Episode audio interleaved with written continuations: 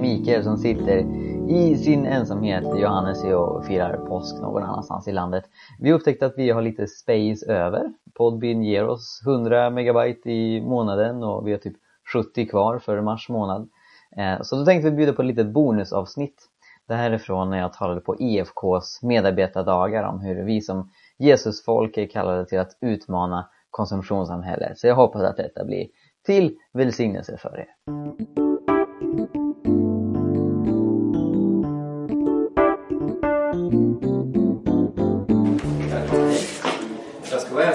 Välkommen hit och sen så ska jag försöka få igång oss när det gäller att samtala efteråt. Så välkommen Mikael. Du får presentera dig själv. Ja. Jag tror vi är lite på din hemmaplan Uppsala, är så? Ja, precis. Så att... Eh, precis. det andra kommer i tid, Robert. Jag ringer ut. Ordet är ditt. Tack så jättemycket. Låt oss be tillsammans. Tack Herre för det här tillfället att få lära oss mer om ditt rike. Tack för ditt ord. Tack Herre för din församling. Tack Gud för allt gott som du gör i Sverige och i världen. Tack Herre för det arv som vi står i och det arv som väntar oss i himlen. Ber Herre om ännu mer av din helige Andes vishet. När det gäller pengar, när det gäller materialism, konsumtion. Jag ber Herre om profetisk kyrka. Talar ut ditt ord och din vilja i vårt liv. Jesu Kristi namn. Välsigna den här tiden. Amen. Halleluja. Välkomna, välkomna. Ehm, som sagt så är jag faktiskt infödd här i Uppsala och jag tror det gör mig till minoritet. Det är väldigt många som invandrar från olika delar i landet eh, bland att studera. Ehm, 24 år gammal. Jag pluggar teologi eh, vanligtvis. Man har just nu studieuppehåll för att författa två böcker faktiskt. En bok på engelska om hur tecken under hänger ihop med fred och rättvisa. som skrevs ut i USA. Och en bok på svenska tillsammans med pastor Stefan Svärd, IFK-are, som liksom mig eh, gillar att engagera sig för eh, flyktingar och invandrare. Eh, så vi skriver en bok om varför kristna ska välsigna och hjälpa flyktingar och invandrare. Sjukt enkel bok att skriva, eh, men den är välbehövlig ändå, va? som ni säkert förstår. Eh, Så det håller jag på med just nu och i övrigt så har jag en blogg som heter Hela Pingsten och jag skriver lite i dagen då och då och eh, pysslar med andra roliga saker. Evangeliserar med pannkakskyrkan och, och eh, hjälper eh, fattiga EU-migranter och lite annat.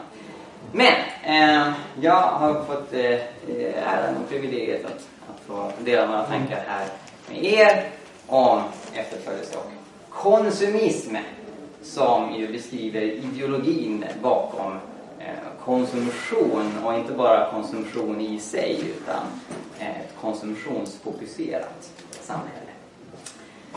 För några veckor sedan så gick en kurs på Örebro eh, Missionsskola om EFKs historia och teologi. Och då fick vi läsa dels om det gamla gardet, Örebromissionen och Helgelseförbundet och, och fribaptisterna. Eh, men så fick vi även läsa om själva samgåendet och alla fina dokument som tagits fram som beskriver EFKs inriktning. Och jag tror flera av er har lite koll på de dokumenten. Jag skulle vilja citera, citera EFKs Sverigestrategi som säger Vi vill utveckla en enkel och generös livsstil som innebär ett brott med osunda konsumtionsmönster.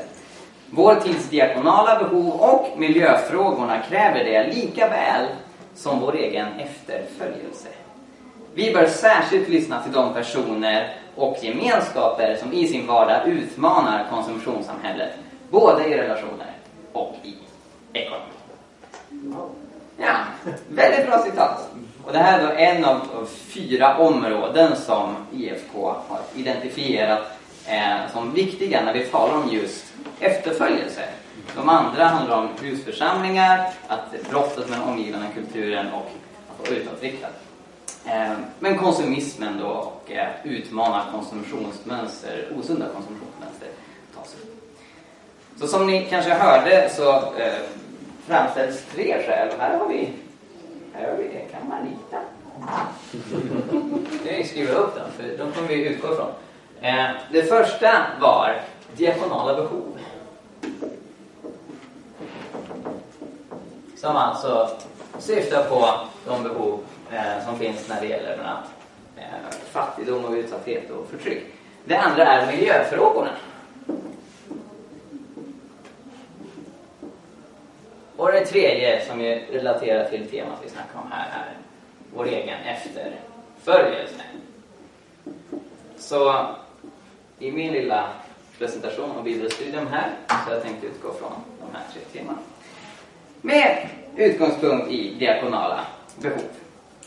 I världen idag så lever 800 miljoner människor i extrem fattigdom. Och extrem fattigdom är, som ni hör på namnet, en väldigt allvarlig form av fattigdom. Det innebär att leva på mindre än 1,25 dollar per dag. Och det är alltså vad 1,25 dollar kan köpa i USA. Så det är väldigt fattigt.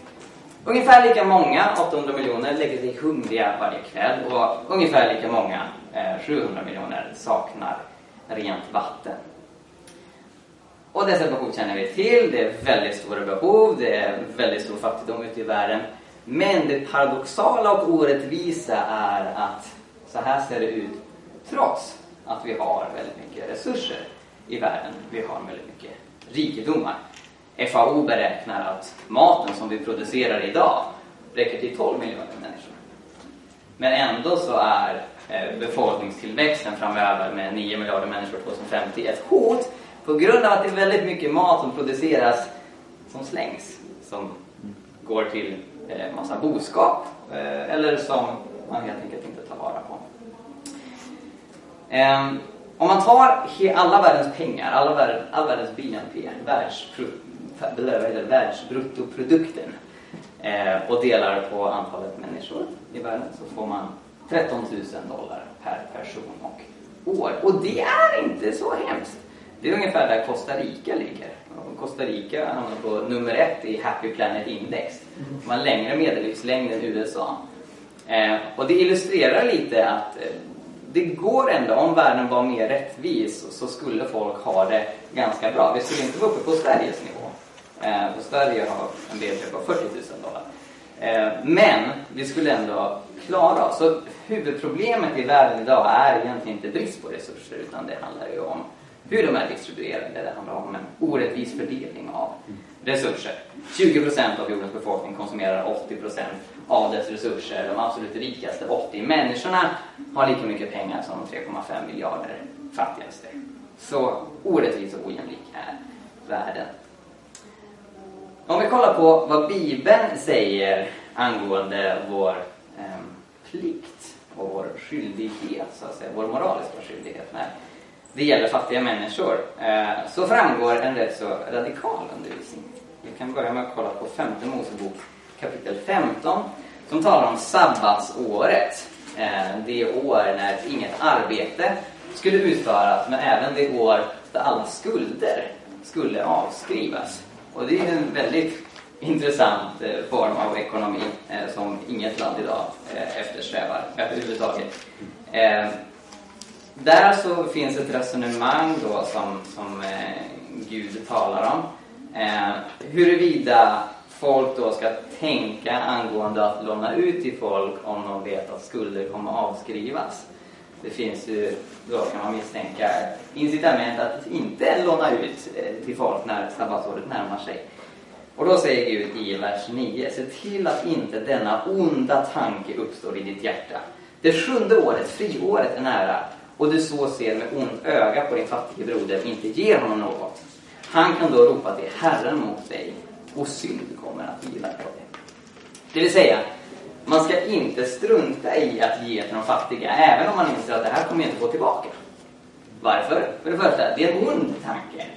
Och för det andra, synd kommer vila på dig. Det är starka ord. Om man kan hjälpa de fattiga så ska man göra det. Även om man inte nödvändigtvis tjänar på det själv. Det är huvudtanken här. Och det finns en liknande tanke om vi tar ett stort hopp till första Johannesbrevet kapitel 3. Där aposteln Johannes talar om kärlek och kärlekens praktiska konsekvenser. Så står det i första Johannes kapitel 3, vers 17. Om någon har denna världens tillgångar och ser sin broder lida nöd men stänger sitt hjärta för honom, hur kan då Guds kärlek förbli honom? Så återigen är tanken här att vi har en moralisk skyldighet att hjälpa människor i nöd om vi själva har ett materiellt överflöd. Och då är frågan, ska vi själva bli urfattiga genom att ge bort allt vi har, sätta oss nakna i en skog någonstans och äta barr tills vi svälter ihjäl? Nej, det adresserar Paulus i Andra Korinthierbrevet 8 som är ett eh, känt eh, bibelställe när det gäller givande. Och det intressanta där är att Paulus talar ju om, om givande till de fattiga i Jerusalem. Och hans poäng är att målet med att ge till de fattiga är att det ska bli lika för alla. Han säger i Andra Korinthierbrevet 8, vers 13 15 jag säger inte detta för att andra ska få det bättre och ni får det svårt, utan för att alla ska ha det lika. Just nu kommer ert överflöd att avhjälpa deras brist för att en annan gång deras överflöd ska avhjälpa er brist. Så blir det lika för alla som det står skrivet. Den som samlar mycket fick ingenting över och den som samlar lite det ingen. Johannes döparen uttrycker något liknande i Lukas 3, vers 11 när han säger att omvändelsens frukt är att den som har två tröjor ska ge den till den som ingen har, den som har mat ska göra på samma sätt. Det är den nytestamentliga jämlikhetsvisionen som också låg bakom den gammaltestamentliga principerna med sabbatsår och i synnerhet jubelår som också handlade om att utjämna klyftor. Det här är Bibelns vision och det handlar inte om att alla ska vara fattiga och det handlar inte heller om att alla ska vara rika. Alltså det handlar om någon slags mellanting. Ordspråksboken kapitel 30, vers 8 säger Ge mig varken rikedom eller fattigdom utan ge mig den mat jag behöver. Och det är något som återkommer i Herrens bön, ge oss, ge oss vårt dagliga bröd. Och den mellannivån som jag eh, kallar att leva enkelt, den glöms ofta bort. Om man säger kristna ska inte vara rika så säger folk vill att vi ska vara fattiga. Om man säger att folk inte ska vara fattiga så säger folk vill att vi ska vara rika. Men den, eh, den mellannivån tror jag att den tidiga kyrkan strävar efter. Eh, vi ser ju i eh, Johannes 13 och 29 att Jesus och lärjungarna hade en gemensam kassa där överskottet var tänkt att ge, gå till de fattiga fast Judas var inte så snäll, han snodde åt sig åt sig själv. Eh, I Apostlagärningarna så står det om den tidiga församlingen i Jerusalem att de hade egendomsgemenskap, allting tillsammans. Återigen, ingen var rik och ingen var heller fattig. Alla fick det de behövde. Så det var en jämlikhet i praktiken som den tidiga kyrkan levde efter. Hebreerbrevet 13, vers 5 säger att vi ska inte leva för pengar utan nöja oss med vad vi har. Paulus undervisar väldigt tydligt om samma tanke i första Timoteusbrevet kapitel 6, eh, vers 5 till 11 där han talar om att vi ska vara nöjda med mat och kläder eller eh, näring och skydd, som det står i grundtexten det som vi behöver, men överflödet kan vi dela med oss till andra. Han säger till och med att... Eh, första Timoteusbrevet 6, vers 8. Eh, och sen i vers 9 så säger han att de som vill bli rika försätter sig själva i fördärvet. Så det finns en kritik efter den här, eller mot en strävan att försöka skaffa sig så mycket som möjligt. Eh, som är väldigt tydligt i, i Nya Testamentet. Och Jakob i kapitel 5 i sitt brev är väldigt kritisk till de rika. Han säger att ni har levt i lyx och överflöd på jorden. Och, och, och där är tanken att problemet med rikedomen är att den, den rike konsumerar och äger saker han eller hon inte behöver. Den här lyxen, överflödet, som Nya Testamentet om och om igen återkommer till och kritiserar. Vi ser det också i eh, när Jesus pratar om eh, Lazarus och den rike mannen i Lukas 16 att den stora tragedin där är inte bara att Lazarus dör av fattigdom utan gör det utanför den rike mannens port. Mm. Och han önskar att han bara fick smulor från den rike mannens bord men han får det inte utan han svälter bokstavligen ihjäl utanför den rike mannens port. Medan det står att den rike mannen levde i lyx och hade fina kläder och festade varje dag och var väldigt glad och nöjd av sin situation. Eh, det är en, en tragedi som Bibeln är väldigt kritisk till. Det här att fattigdom och rikedom finns samtidigt, finns nära varandra. Eh, och, och det är liksom det, det tragiska som Bibeln adresserar. Den rike spenderar pengar på onödigheter medan den fattige går under för att han eller hon inte kan köpa nödvändigheter. Så därför så behöver rika generöst dela med sig. Eh, och det är också väldigt tydligt i den nytestamentliga och gammaltestamentliga undervisningen. Generositet är bra och girighet är dålig. Och generositet tar sig alltid konkreta uttryck. Mm. Ehm, så det är svårt att tänka sig att man är generös utan att dela med sig. Eller hur? Och det, och det är svårt att tänka sig att man är girig och, och delar bort eh, liksom, allt man har. Eh, utan det, bakom det språkbruket om, om generositet och girighet så finns det också praktiska implikationer. Och något annat som jag tycker är tydligt i Nya Testamentet, i synnerhet Jesu undervisning, är att generositet definieras egentligen utifrån det vi har kvar, snarare än av det vi ger bort. Och då tänker jag på Lukas 21, när han beskriver att den fattiga änkan var mycket mer generös än de rika som gav en del av sitt överflöd. hon gav bort allt, även fast det i faktiska kvantitativa termer var väldigt lite. Om vi sen går vidare till miljöfrågor så läser vi i Första Mosebok att Gud skapade världen och han såg att det var gott, eller hur? Han skapade oss människor eh, till sin avbild eh, som krona på verket och gav oss budet att föröka oss, uppfylla jorden och råda över eh, skapelsen. Men människan valde att synda eh, och därmed så lider hela skapelsen. Så Romarbrevet 8 säger själva skapelsen väntar och längtar efter att Guds barn ska uppenbaras. För skapelsen har ju blivit lagd under förgängelsen, inte av egen vilja utan genom honom som var den där under. Ändå finns det hopp om att även skapelsen ska befrias från sitt slaveri under förgängelsen och nå fram till Guds barns härliga frihet. Våra bibliska förfäder var väl förtrogna med naturens välsignelser och faror. Eh, I antiken så var det ju jordbrukssamhällen eh, som rådde, som vi läser om i Bibeln. Och man drabbades väldigt hårt av naturkatastrofer. Eh, så som till exempel torkan, som ju farao med hjälp av Josefs uttydning eh, förutsåg i Första Mosebok. Och för att hantera eh, den eh, så samlade man ihop pengar och sen så delade man ut det. Man, såld, man samlade in mat och så sålde man den. Eh, I Andra Mosebok 16 så ser vi hur Gud eh, förser eh, sitt folk med bröd, manna från himlen. Men det är några som girigt roffar åt sig. Och då så löser ju Gud det genom att sända maskar som äter upp brödet varje morgon förutom på sabbaten.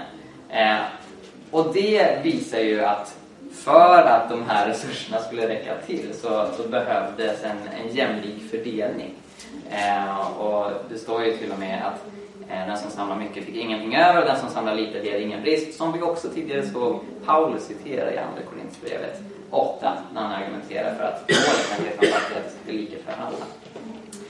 Gamla testamentet eh, Ja precis, Gamla testamentet beskriver eh, hur eh, monarkin med en överdådig kung och även tempeldyrkan växer fram inte primärt som en Guds idé utan som människors idé. Gud verkar till en början vara ganska nöjd med att kampa i tält. Eh, och Gud blir ganska sur eh, när eh, de begär en kung i första Samuelsboken 8. Han säger att de har förkastat mig. Eh, Gud ger faktiskt, och det här är inte så många som känner till, ett budord eh, till kungen som han då förutser i femte Mosebok kapitel 17, vers 17. Där han både förbjuder kungen att leva i polygami och skaffa sig mycket silver och guld. Och det är ett viktigt perspektiv att ha med sig när man sen kommer till Salomo och ser hans överflöd och hans 700 fruar och så vidare. Eh, att möjligtvis så var inte kungarna eh, syndfria. Det är en sak att Gud välsignar en kung med rikedom för att välsigna landet, en annan sak att kungen drar för oss en massa rikedomar själv. När det gäller skapelsen så profeterar Jeremia Många herdar har fördärvat min vingård och trampat ner mitt land. De har gjort mitt härliga land till en öde öken, till en ödemark. Sörjande och öde ligger det framför mig. Hela landet ligger öde, ty ingen bryr sig om det. Och det här är ingen positiv beskrivning. Jeremia klagar över när människan ödelägger jorden. Så att förstöra skapelsen är inte att råda över den, det bud som Gud gav till människan. Att råda är att vårda. Men vi människor har inte varit jättebra på att vårda Guds skapelse, i synnerhet inte det senaste seklet. Vi har faktiskt dödat hälften av alla världens djurpopulationer sedan 1970. Inte hälften av alla arter, men hälften av alla djur. Eh, I majoritetsvärlden, det vill säga Afrika, Asien, Latinamerika, så dör fler människor idag av luftföroreningar än av malaria, HIV och alla andra sjukdomar tillsammans. WHO uppskattar att 250 000 fler kommer dö varje år mellan 2030 och 2050 på grund av klimatförändringarna. Och i förlängningen kan miljontals människor komma att dö av klimatrelaterade orsaker. Och det här visar att när man talar om skapelse, när man talar om miljö så handlar det inte bara om att vårda plantor och isbjörnar utan det handlar om människoliv i väldigt hög grad. Och det riktigt tragiska är ju att det är fattiga människor framförallt som drabbas av miljöförstöringar. Medan eh, rika länder och rika människor ställer till med en hel del miljöförstöringar. Inte minst genom vår väldigt höga konsumtion. Om alla levde som svenskar skulle det enligt Världsnaturfonden krävas 3,7 jordklot. Och vi har bara ett. Så alla kommer inte kunna leva som svenskar. Och det innebär ju att vi måste leva enklare. Om vi inte börjar göra det frivilligt så kommer vi förmodligen i framtiden tvingas till. Eh, Sverige ligger faktiskt på plats 10 i värstingligan eh, vad gäller eh, ekologiska fotavtryck enligt Världsnaturfonden, vilket ju lite går emot vår eh, klargröna självbild. Eh, låt oss hoppa till vår egen efterföljelse. I liknelsen om eh, bonden, eller såningsmannen så säger Jesus hur Guds ord sås ut bland människor och tas emot på olika sätt. Och han säger bland annat att den som såddes bland tistlar är den som hör ordet men världsliga bekymmer och bedräglig rikedom kväver ordet så att det blir utan frukt. Det här är alltså i Matteus 13, vers 22. Vid ett annat tillfälle så beskriver Jesus rikedomen som den ohederlige mammon. Lukas 16.9. Mammon var ju arameiska för rikedom. Och Paulus skrev som jag nämnt tidigare att de som vill bli rika råkar ut för frestelser och snarare och många oförnuftiga och skadliga begär som störtar människor i fördärv och undergång. Så den gemensamma tanken här är att rikedom kan mycket väl förstöra vår tro. Och därför är det inte så konstigt att kristendomen tenderar att frodas rätt så väl idag i den betydligt fattigare majoritetsvärlden. Om man jämför med minoritetsvärlden som vi lever i.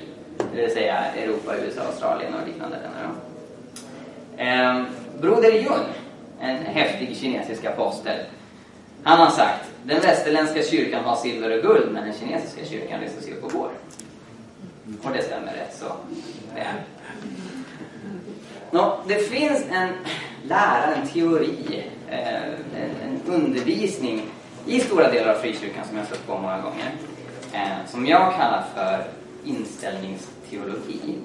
Och till skillnad från den betydligt mer kända framgångsteologin så hävdar han inte att alla som tror på Jesus kommer bli rika per automatik. Eh, men inställningsteologin säger att det är inget problem med att vara väldigt rik. Det är inget problem med att ha en hög konsumtionshalt och så vidare.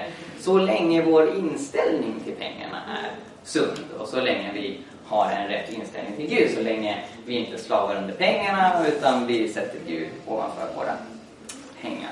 Eh, och det här är en, en undervisning, en lära, en idé som jag ser återkomma gång på gång. Och jag tycker det är väldigt eh, problematiskt. Eh, inte minst för att det verkar gå emot Jesus undervisning i bergspredikan. Han säger i Matteus 6, samla inte skatter på jorden där rost och mal förstör och tjuvar bryter sina själ. Samla skatter i himlen där varken rost eller mal förstör och där inga tjuvar bryter sina själ. För där din skatt är, där kommer också ditt hjärta att vara. Och det jag kallar för inställningsteologi, ehm, det som är problemet med den läran, det är inte att man säger att vi ska ha en sund inställning till pengar och en sund inställning till Gud. Det ska vi naturligtvis ha. Men det jag är kritisk till är tanken att det går att ha mängder med pengar, massa överflöd och fortfarande ha en bra inställning till Gud. Att pengarna liksom inte påverkar vår inställning. För det tycks mig vara att man säger att vi kan ha en skatt på jorden men ha vårt hjärta i himlen.